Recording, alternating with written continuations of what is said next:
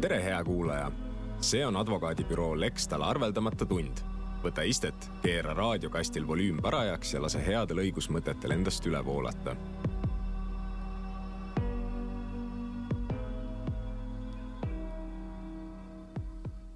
tervist, minu nimi on Hando Sinisalu, täna räägime perekonnaõigusest, teemaks on elukaaslaste ja abikaasade varalised suhted ja sel teemal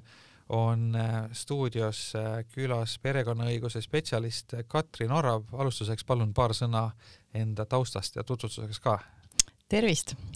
Äh, mina olen siis advokaadibüroo Lextal vandeadvokaat Katrin Orav, olen olnud Lextali koosseisus viimased viisteist aastat, nendest kümme aastat olen lähemalt siis spetsialiseerunud perekonnaõigusele ja juhin Eesti Advokatuuris perekonnaõiguse komisjoni üritan kaasa rääkida võimalikult palju seadusloomes ja, ja aidata kohtupraktikat kujundada läbi siis äh, oma klientide. No kui perekonnaõigusest rääkida, siis selline pilt, mis vähemalt meediast äh, vastu äh, vaatab ja see ilmselt on ka ühiskonna peegeldus, on see, et naised on tihti vaidlustes, mis puudutab lahutust ja lahutuse järgseid vara jagamisi, nõrgemas positsioonis, et äh, naised, kes äh, sellise traditsioonilise äh, perekonnamudeli järgi võib-olla rohkem tegelevad kodu ja lastega ja mehed samal ajal siis tegelevad näiteks ettevõtlusega või, või soetavad varandust, et siis lahutuse korral nagu see naiste panus, see jääb vääriliselt märkimata ja selliseid lugusid vähemalt meedias on päris palju, et ma ei tea, kas see pilt on adekvaatne, et kas kohtupraktikas ka kajastub selline olukord? no alustuseks peame vaatama, et milliste suhetega on siin tegemist, et kas me räägime abikaasade vahelistest varasuhetest,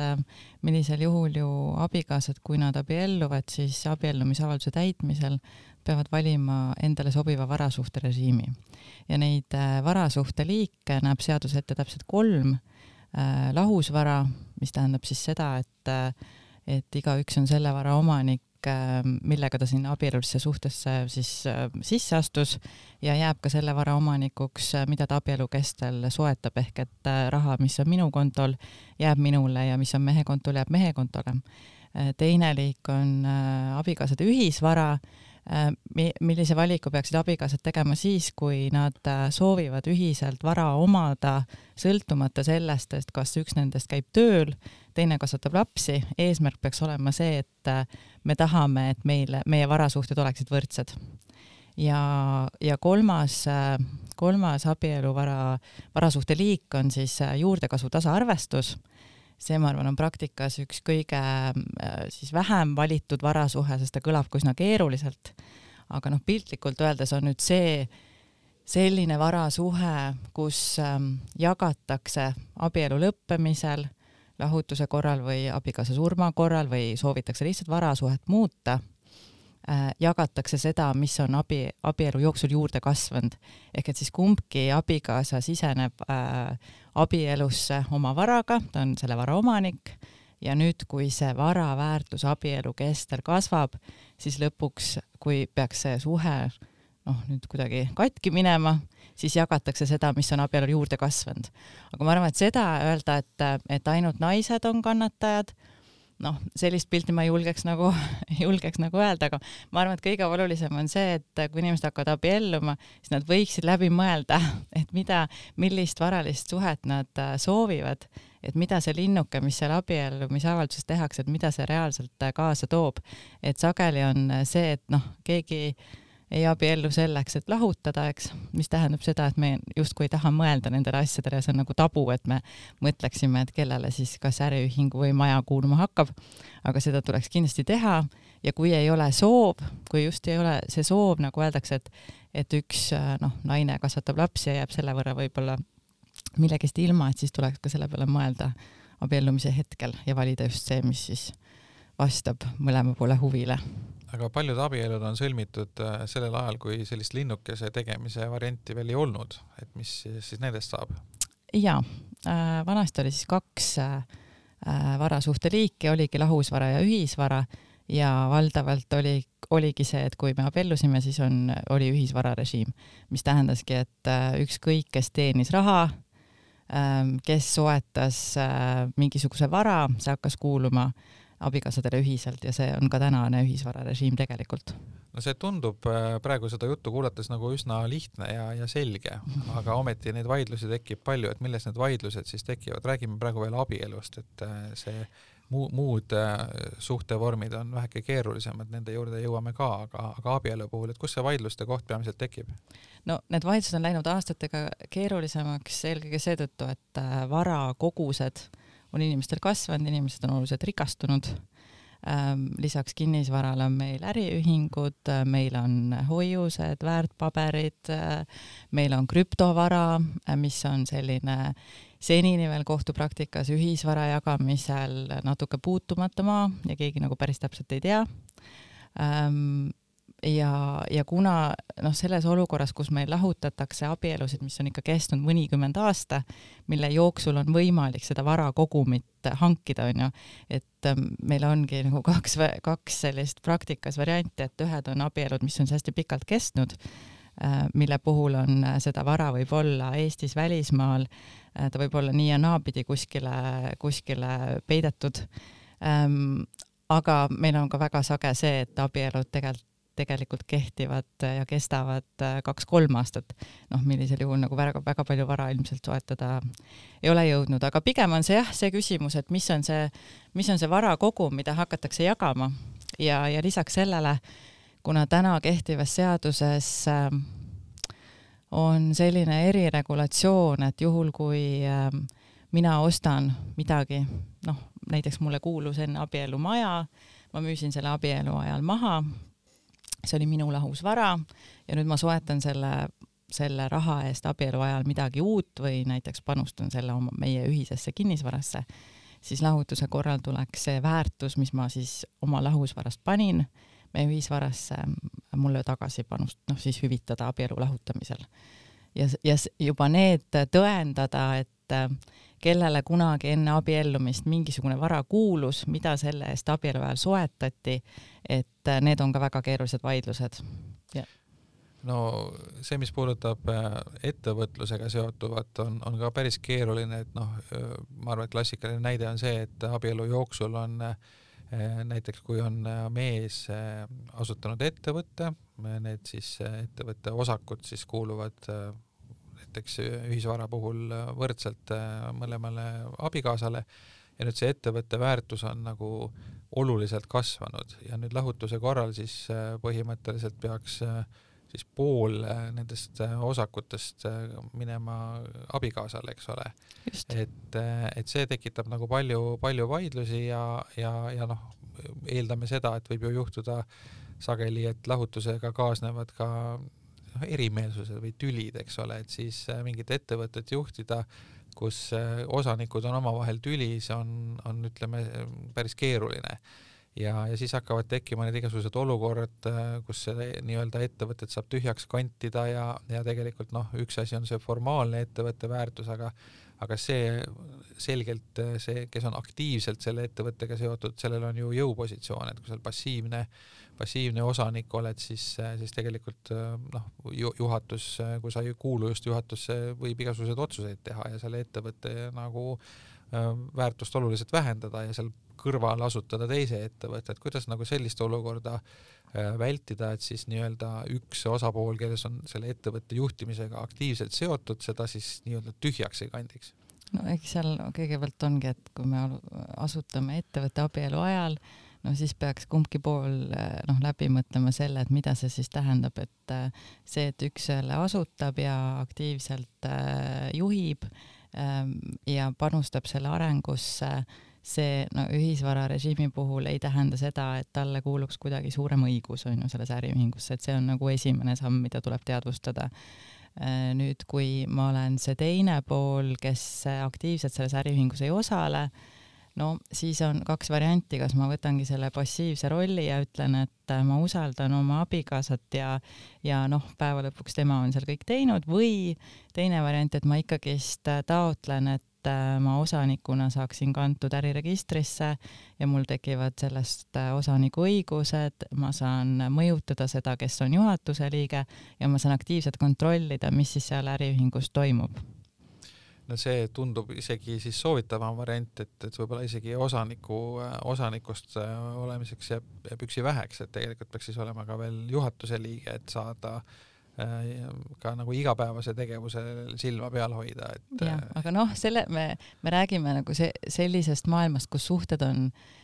tõenäoliselt siis juba natuke nagu risti, et noh, kui me räägime lihtsalt normaalsest toimivast perekonnast äh, või abikaasadest äh,, siis tõen-, noh, suurem tõenäosus on see, et nendel on mingisugune usaldusväärne suhe ja, ja see, et üks kuskil toimetab, et seda siis äh, eeldatakse, et ei kuritarvitata. aga noh, ütleme jah, et kui, kui see olukord läheb juba, suusad lähevad risti, siis tegelikult on meetmeid, et saada sinna selle kontrolli juurde, mitte lihtsalt lasta siis äh, sellega toimetada ja ühel hetkel, kui on äh, see lahutamise hetk käes ja vaadatakse üle, mis on vara koosseis, et siis selgub, et see äriühing, mis ühe abikaasa teada oli väga edukas ja justkui oli kasumis, siis korraga nagu tal seda vara enam ei ole. et siin on soovitus tõesti olla ise aktiivsem, kui juba selline olukord on tekkinud mm. -hmm aga mis need õppetunnid on, et kui te vaatate ja jätkame veel selle abi, abieluvara teemal, et, et mis need peamised õppetunnid on, et mida äh, tuleks vältida siis äh, ütleme olukorras, kus juba nii-öelda on, on suusad risti, on ilmselt on asju raskem äh, lahendada, aga enne seda, et olukorras, kus veel kõik on ilus ja, ja suhted on head ja läbi rääkida on võimalik, et, et mis siis kindlasti no tuleks teha? no esimene samm, mis nagu ma juba ütlesin, on see, et me mõtleme läbi enne abiellumist ja selle abiellumisavalduse täitmisel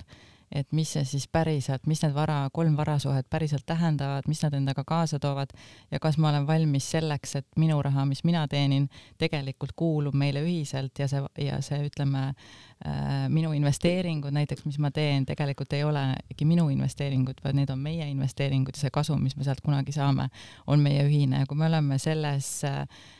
seda adunud ja, äh, ja oleme sellega nõus, Äh, siis ongi õige valida siis see ühisvararežiim. kui me sellega nõus ei ole, siis me peaksime avalikult rääkima ja avameelselt rääkima sellest oma partneriga ja leppima kokku, et meil näiteks on lahusvararežiim või meil on see juurdekasvu tasaarvestus. aga mida veel, on, on see, et äh, ükskõik mida abiellujad siis seal abiellumise hetkel valivad, seda varasuhte režiimi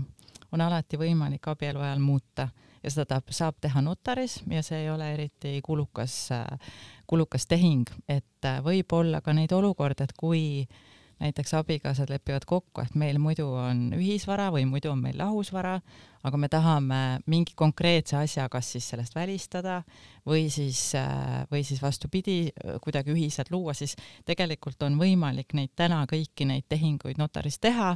ja, ja selleks noh, et, et seal ei ole midagi nagu pöördumatut, et kui me ühe korra otsustame, et meil on ühisvara, siis ülejäänud elu me peame sellest lähtuma. me võime seda ka muuta, kui see vajadus tuleb. et selles mõttes ongi äh,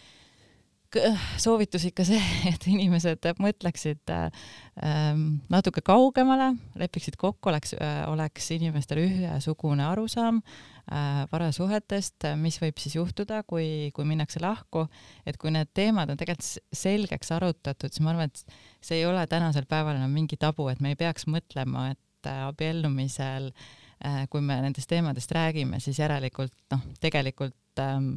meil ei olegi nagu päris suhe, et me siin tundub, et üks tahab kohe lahutada, et see kindlasti nii ei ole. on võimalik äh, sõlmida abieluvaralepinguid, on võimalik neid varasuhteliike muuta, aga ideaalmaailmas peaksid inimesed sellest rääkima, peaksid olema ühisel arusaamisel, et äh, mis nende rahakotis toimub ja mis nendes vara, ütleme siis varalises olukorras toimub mm. -hmm. räägime siis ka äh, elukaaslaste vahelistes suhetes, need on siis need sellised suhted, kus ei ole abielu sõlmitud, aga elukaaslastel võib olla äh, koos soetatud vara, neil võib olla, võivad olla lapsed ja, ja muidu ka sarnaneb äh, kõik äh, tavalisele abielule, ainult et ei ole siis vormistatud see abielu nii-öelda lepinguga või seaduslikult abielluna, et seal on ilmselt neid äh, võimalusi, kus arusaamatusi tekib rohkem ja, ja noh, ütleme tüüpiline olukord võib olla see, et, et jällegi pikaajaline kooselu, kus on ka lapsed ja, ja, ja kõik toimib noh, jällegi siis võtame sellise traditsioonilisema mudeli, et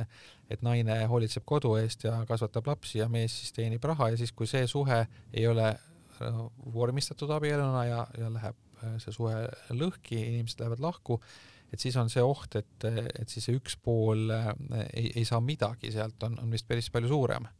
ja eks see selline ekslik arvamus on, mis ühiskonnas on, on tihti see, et abielul ja noh, elukaaslastena koos elamisel pole mitte mingeid äh, erinevusi ähm, ja võib-olla romantilises mõttes nendel ei olegi erinevusi, aga õiguslikus mõttes neil kindlasti on väga suured erinevused äh,. muidugi jällegi ideaalmaailmas saavad ka elukaaslased äh, äh, väga hästi läbi mõelda ja soetada vara ühiselt aga siis äh, täpselt samamoodi äh, leppides kokku ja saades aru, et äh, noh, näiteks elukaaslased tahavad osta kodu äh,, nad saavad seda teha täpselt samamoodi nagu abielus olevad inimesed, nad lähevad notarisse, nad lepivad kokku, et me tahame seda näiteks äh, ühiselt omada, et see, see kuulubki nende kaasomandisse, oletame siis viiskümmend, viiskümmend protsenti ja kõik on hästi. noh, siis on küsimus, et millise raha eest see omandatakse. Äh, see omab tähtsust ähm, tegelikult ähm, selles mõttes, et kui see omandatakse nüüd laenu eest, siis on, tekib jälle see kohe, et kes seda laenu siis maksab äh, kes tagasi maksab, kes on see kohustatud isik panga ees ja millised nõuded siis nendel elukaaslastel omavahel tekivad. et ähm, siin võib jah, siin võib väga palju probleeme tekkida, juhul kui neid asju ei ole eelnevalt kokku lepitud et kui näiteks üks äh,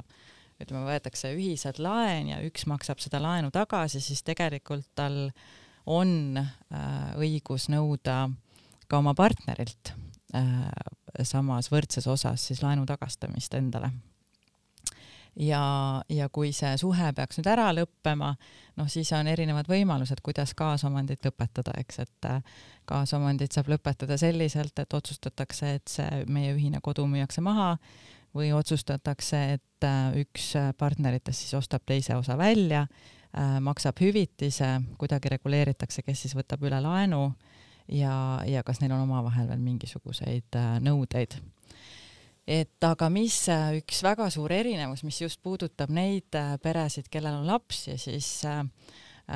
abielulises suhtes on äh, perekonna eluase kaitstud. ja see tähendab seda, et äh, et kui perekond elab ühe abikaasa lahusvaraks olevas korteris, oletame siis, et, et mehele just nimelt kuulus enne abiellumist korter, see on tema nimel, ähm, siis abielu ajal ei saa, kui see on perekonna ühiseks elukohaks, siis abielu ajal ei saa see mees lihtsalt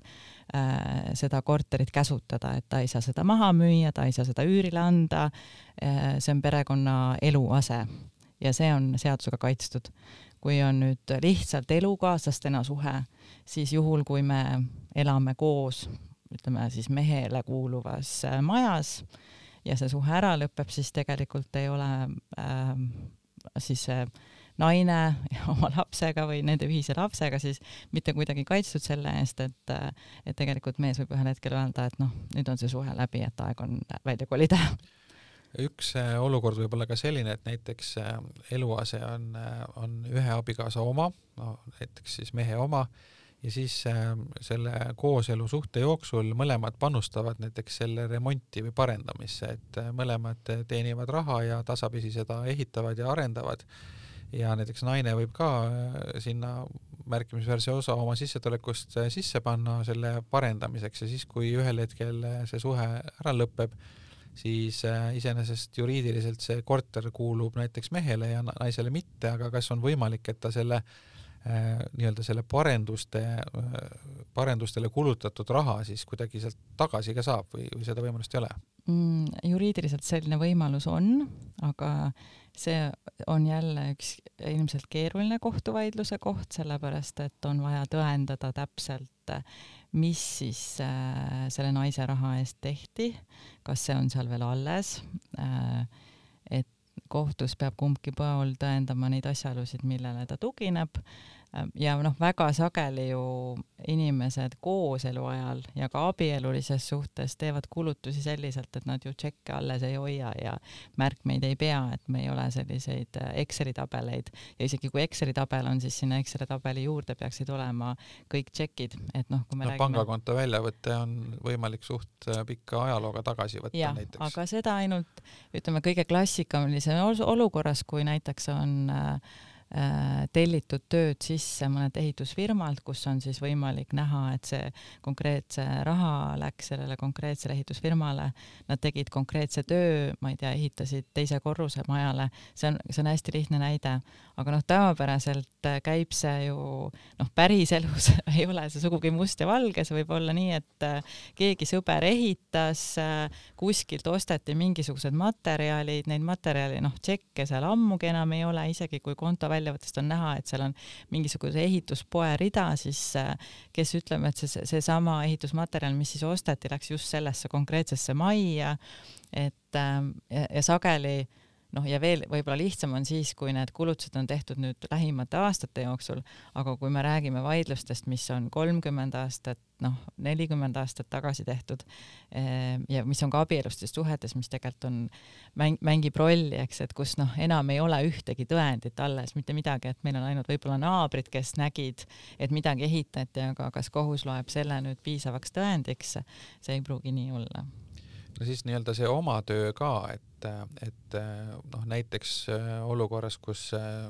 üks äh, jällegi siis mees ilmselt meie sellises patriarhaalses ühiskonnas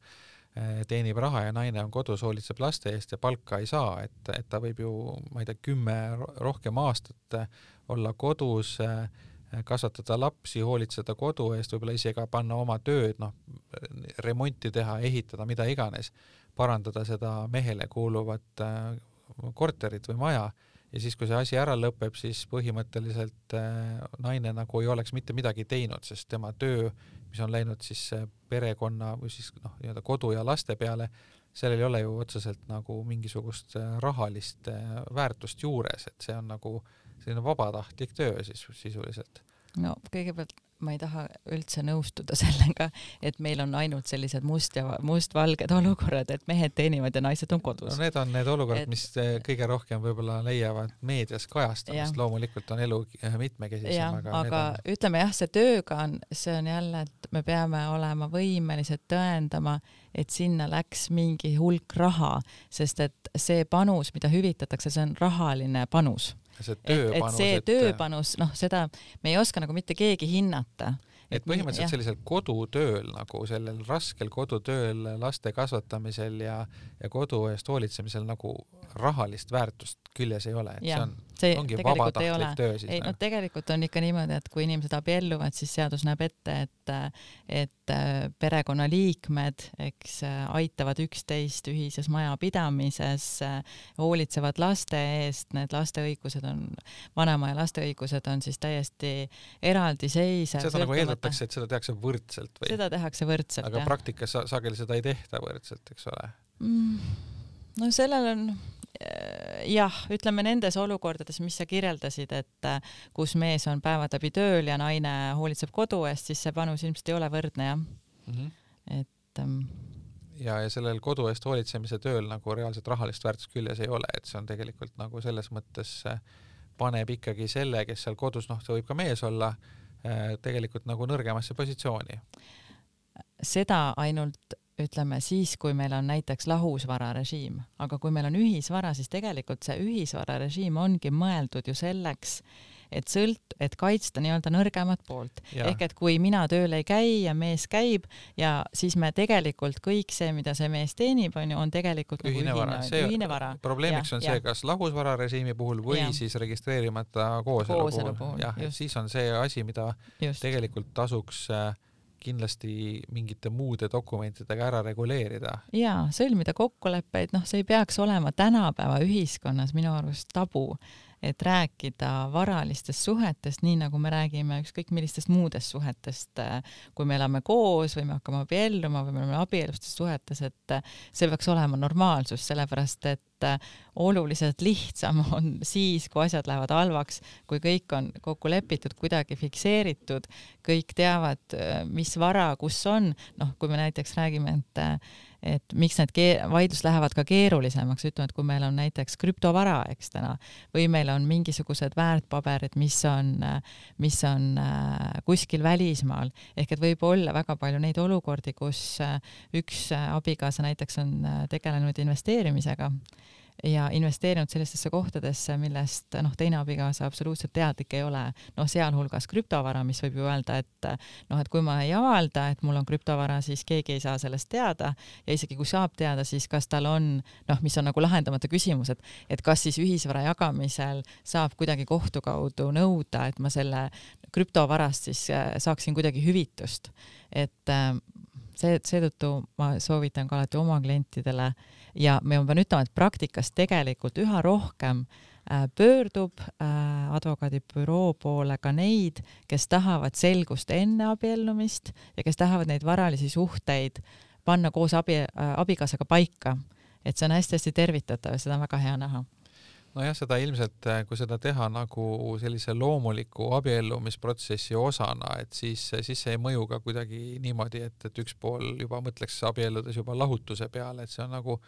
nagu noh, nii-öelda loomulik osa sellest. absoluutselt et... ja see ei peakski olema, et seda kindlasti ei tohiks äh, nii võtta, et ma arvan, et see on mõlema poole huvides äh, neid asju arutada enne seda, kui tekib probleem. see on täiesti noh, ma ütlen minu, minu jaoks täiesti mõistuspärane käitumine aga miks siis ikkagi äh, seda suhteliselt vähe tehakse veel, et, äh, et noh, nii-öelda ideaalses maailmas tundub kõik väga lihtne ja, ja, ja normaalne, aga samas ikkagi neid probleeme on päris palju, et, et seda nagu ei taheta siiski teha, et mis, mis sinu arvates see peamine põhjus no, on? ma ütlen, et üks on see natuke see tabu, et kas ma sellega kuidagi pahandan oma partnerit, noh, see on samamoodi nagu noh, teine teema, millest ma täna ei räägi, aga noh, igasugused pärimist puudutavad küsimused on ju, et miks, miks on sageli nii, et äh, inimene, kes sind, kes siit ilmast lahkub, tuleb välja, et tal on väga palju pärijaid, aga ta ei ole mitte kuidagi reguleerinud, et, et kuidas nende vahel see vara peaks jagunema ja siis ongi need pärijad seal äh, kohtus ja on väga koledad äh, mitme perekonna vaidlused. Ja selle, selle vara küsimus tundub nagu natukene samamoodi, et, et üks on, et see ei ole, et see tundub nagu tabuteema ja teine, teine, mõte jooksis kinni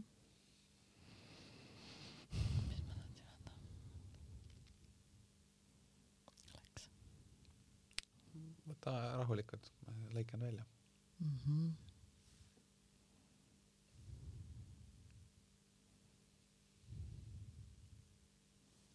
ah, jah mm, -hmm. ja, ja teine teema on kindlasti see, et noh, et,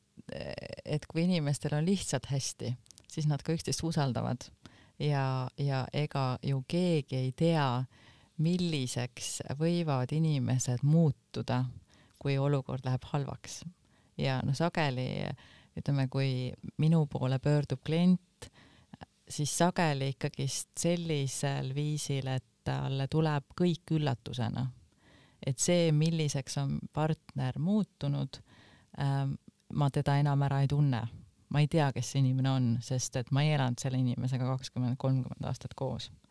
Ja, ja sel põhjusel ilmselt ongi, et kui on kõik hästi, siis siis on kõik hästi ja arvatakse, et noh, esiteks, kas midagi ei juhtu või kui juhtub, siis on ka kõik hästi mm. -hmm aga kas on veel mingeid selliseid äh, varjatud äh, kohti või karisid, millele tähelepanu pöörata, et me rääkisime siin äh, ettevõtlusest, rääkisime ettevõtete osakutest, rääkisime kinnisvarast, et kuidas veel vallasvaraga lugu on, et võib ju olla, olla ka päris suur, suur, noh, suures väärtuses äh, vallasvara, et, et mida ei ole kusagil registrites arvel üldse, et et kui mul on ikkagi näiteks, ma ei tea, maalid või kuldehted või midagi sellist, millel võib olla tuhandeid eurosid väärtust, et kuidas siis nendega? jah, eks see on sam-, noh, põhimõtteliselt see võib olla üks viis, kuidas kuidas seda, seda suurt sissetulekut nii-öelda, nii-öelda peita, eks, aga noh, kui meil on noh, selline olukord, et on juba lahutus ja ma tegelikult tean, et et mu abikaasal äh, oli selline sissetulek, ma tean, et tegelikult ja ütleme, kohtumenetluse käigus ma nõuan välja äh, pangakontod, ehk et ma näen, et kuhu on siis see meie ühisvara liikunud, ma näen, et seal on mingil hetkel olnud äh, sada tuhat eurot ja huvitaval viisil on noh, kuskile tänaseks see kadunud see on sedavõrd suur summa, et lühikese aja jooksul kindlasti me ei ole seda koos ära söönud ja ei ole olnud ka ühtegi kauget äh, välismaa reisi. ja, ja siis on küsimus, kas me jõuame, jah, kas me jõuame siis läbi kohtu äh, nõuda piisavalt palju tõendeid välja, et aru saada, et kuhu see raha on siis läinud või on lihtsalt, me ütleme, et on üks abikaasa tekitanud kahju, ta on selle sada tuhat eurot ära raisanud tegelikult see on ühisvarale tekitatud kahju ja ta peab selle ühisvarasse tagastama. kui ma olen kahekümne aasta jooksul äh, ostnud iga aasta maale ja nende väärtus on ajas kasvanud, oletame, et kahekümne aastaga on see kunstikogu väärtus, ma ei tea, sada tuhat või rohkem, et äh, aga seda pole kusagil registreeritud, et see on lihtsalt pildid seintel, mis ühel hetkel pole enam seintel, et kuidas siis näiteks äh, sellist juhtumit äh, saaks käsitleda? no hea oleks, kui oleks teada, et mis piltidega oli tegu et kui, kui juba oli teada, et meil olid äh, sellised ja sellised maalid sellistelt autoritelt, siis tõenäoliselt kunstiekspert oskab öelda, mis need äh, maalid väärt on ja see ongi ühisvarale tekitatud kahju mm. -hmm. et seda, kas see, kas see raiskamine, see näide, et oletame, et äh, ma ei tea, ma olen sada tuhat välja võtnud ja selle kasiinos maha mänginud ja siis hiljem nagu see tuleb kusagilt panga väljavõttelt välja, et kas selline asi, et nagu kui üks Äh, abikaasa on lihtsalt raha nii-öelda raisanud no.. noh, seesama näiteks mängurlus on üks näide võib-olla, et kas see on nagu piisav ähm, nagu tegu, et hiljem oleks võimalik välja nõuda see raha? Äh, kohtupraktikas ma päris sellist äh, näidet ei tea, aga see kindlasti võib, see võib kindlasti olla selline, selline näide, mida võib käsitleda sellena, et kui inimene ei oleks ja võib-olla noh, eriti lihtne, kui see on tehtud vahetult enne lahutust, on ju. et siis on see arusaadav, et äh, sada tuhat oleks meil praegu jagatav raha, ma oleks saanud sellest viiskümmend tuhat, aga noh, kuna tekkis kius, siis vastaspool läks ja lasi selle kasiinos õhku, eks. et äh, siis sellisel juhul ma käsitleksin seda jah, ühisvarale tekitatud kahjuna aga sularaha puhul näiteks, et kui üks abikaasa on pidevalt äh, kontolt võtnud välja sularaha, näiteks jällegi pika aja jooksul väikeste summade kaupa, mille võib-olla summeeritult ongi sada tuhat kusagile nii-öelda, ma ei tea, äh, sahtli põhja või madratsi alla tekkinud, et kuidas selliste olukordadega käituda? no jälle nüüd siis oleneb, et mis ta, mis ta väidab, et ta on selle rahaga teinud, noh, et näiteks, et ta ütleb, et ähm, et me tõesti äh, iga kuu võtsin, aga sellest me ostsime perekonnale asju, elasimegi, see on siis perekonna jaoks äh, kulutatud noh, kui ta tahab seda peita, siis vaevalt, et ütleb, et tegelikult mul on see sada tuhat siin madratsi all. nojah, ta käis, käis turul, ostis mangosid kogu aeg või mis parasjagu kõige kallim puuvili on. jah, jah, aga no kohtu, et see on siis kohtupraktika küsimus, et kohus hindab, et kas see, kas need tõendid on äh, piisavalt adekvaatsed, mis tõendavad seda, et see, et see kuluski äh, ja see oleneb ka ju perekonna elustandardist on ju, et, et kas meie kooselu ajal oli see tavapärane, et me käisime neli korda aastas reisil või et me ostsime kõige kallimast poest äh, mahe kasvatatud, ma ei tea, viigimarju on ju. Et, et see jälle oleneb, et kui see meie peres oli tavaline, siis ma võiksin öelda, et et see raha ongi perekonna heaks ära kasutatud. või noh, samamoodi nagu noh, tihti hea näide on reisimine on ju, et et aga kui see oligi meie elustandard, et me väga sagedasti reisisime ja kui meil suhted läksid halvaks, siis noh, siis reisis, reisis üks partner on ju, et see ei tähenda kuidagi, et ma oleks tea-, tahtlikult või teadlikult äh, üritanud meie ühisvara koosseisu vähendada, et siis oma partnerile käru keerata no ja siin peab arvestama vist ka sellega, et selliste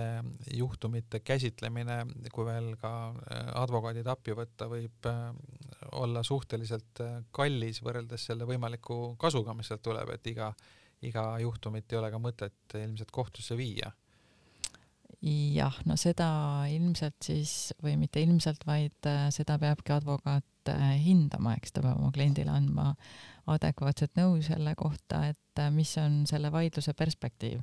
aga selle otsuse, kas inimene tahab vaielda kohtus või mitte, selle ta teeb ikkagist ise, et äh, seda ei saa advokaat tema eest otsustada. jah, ja tihti on võib-olla see põhimõte või see õiglustunne isegi olulisem kui see konkreetne rahaline võit. jah, nii võib ka olla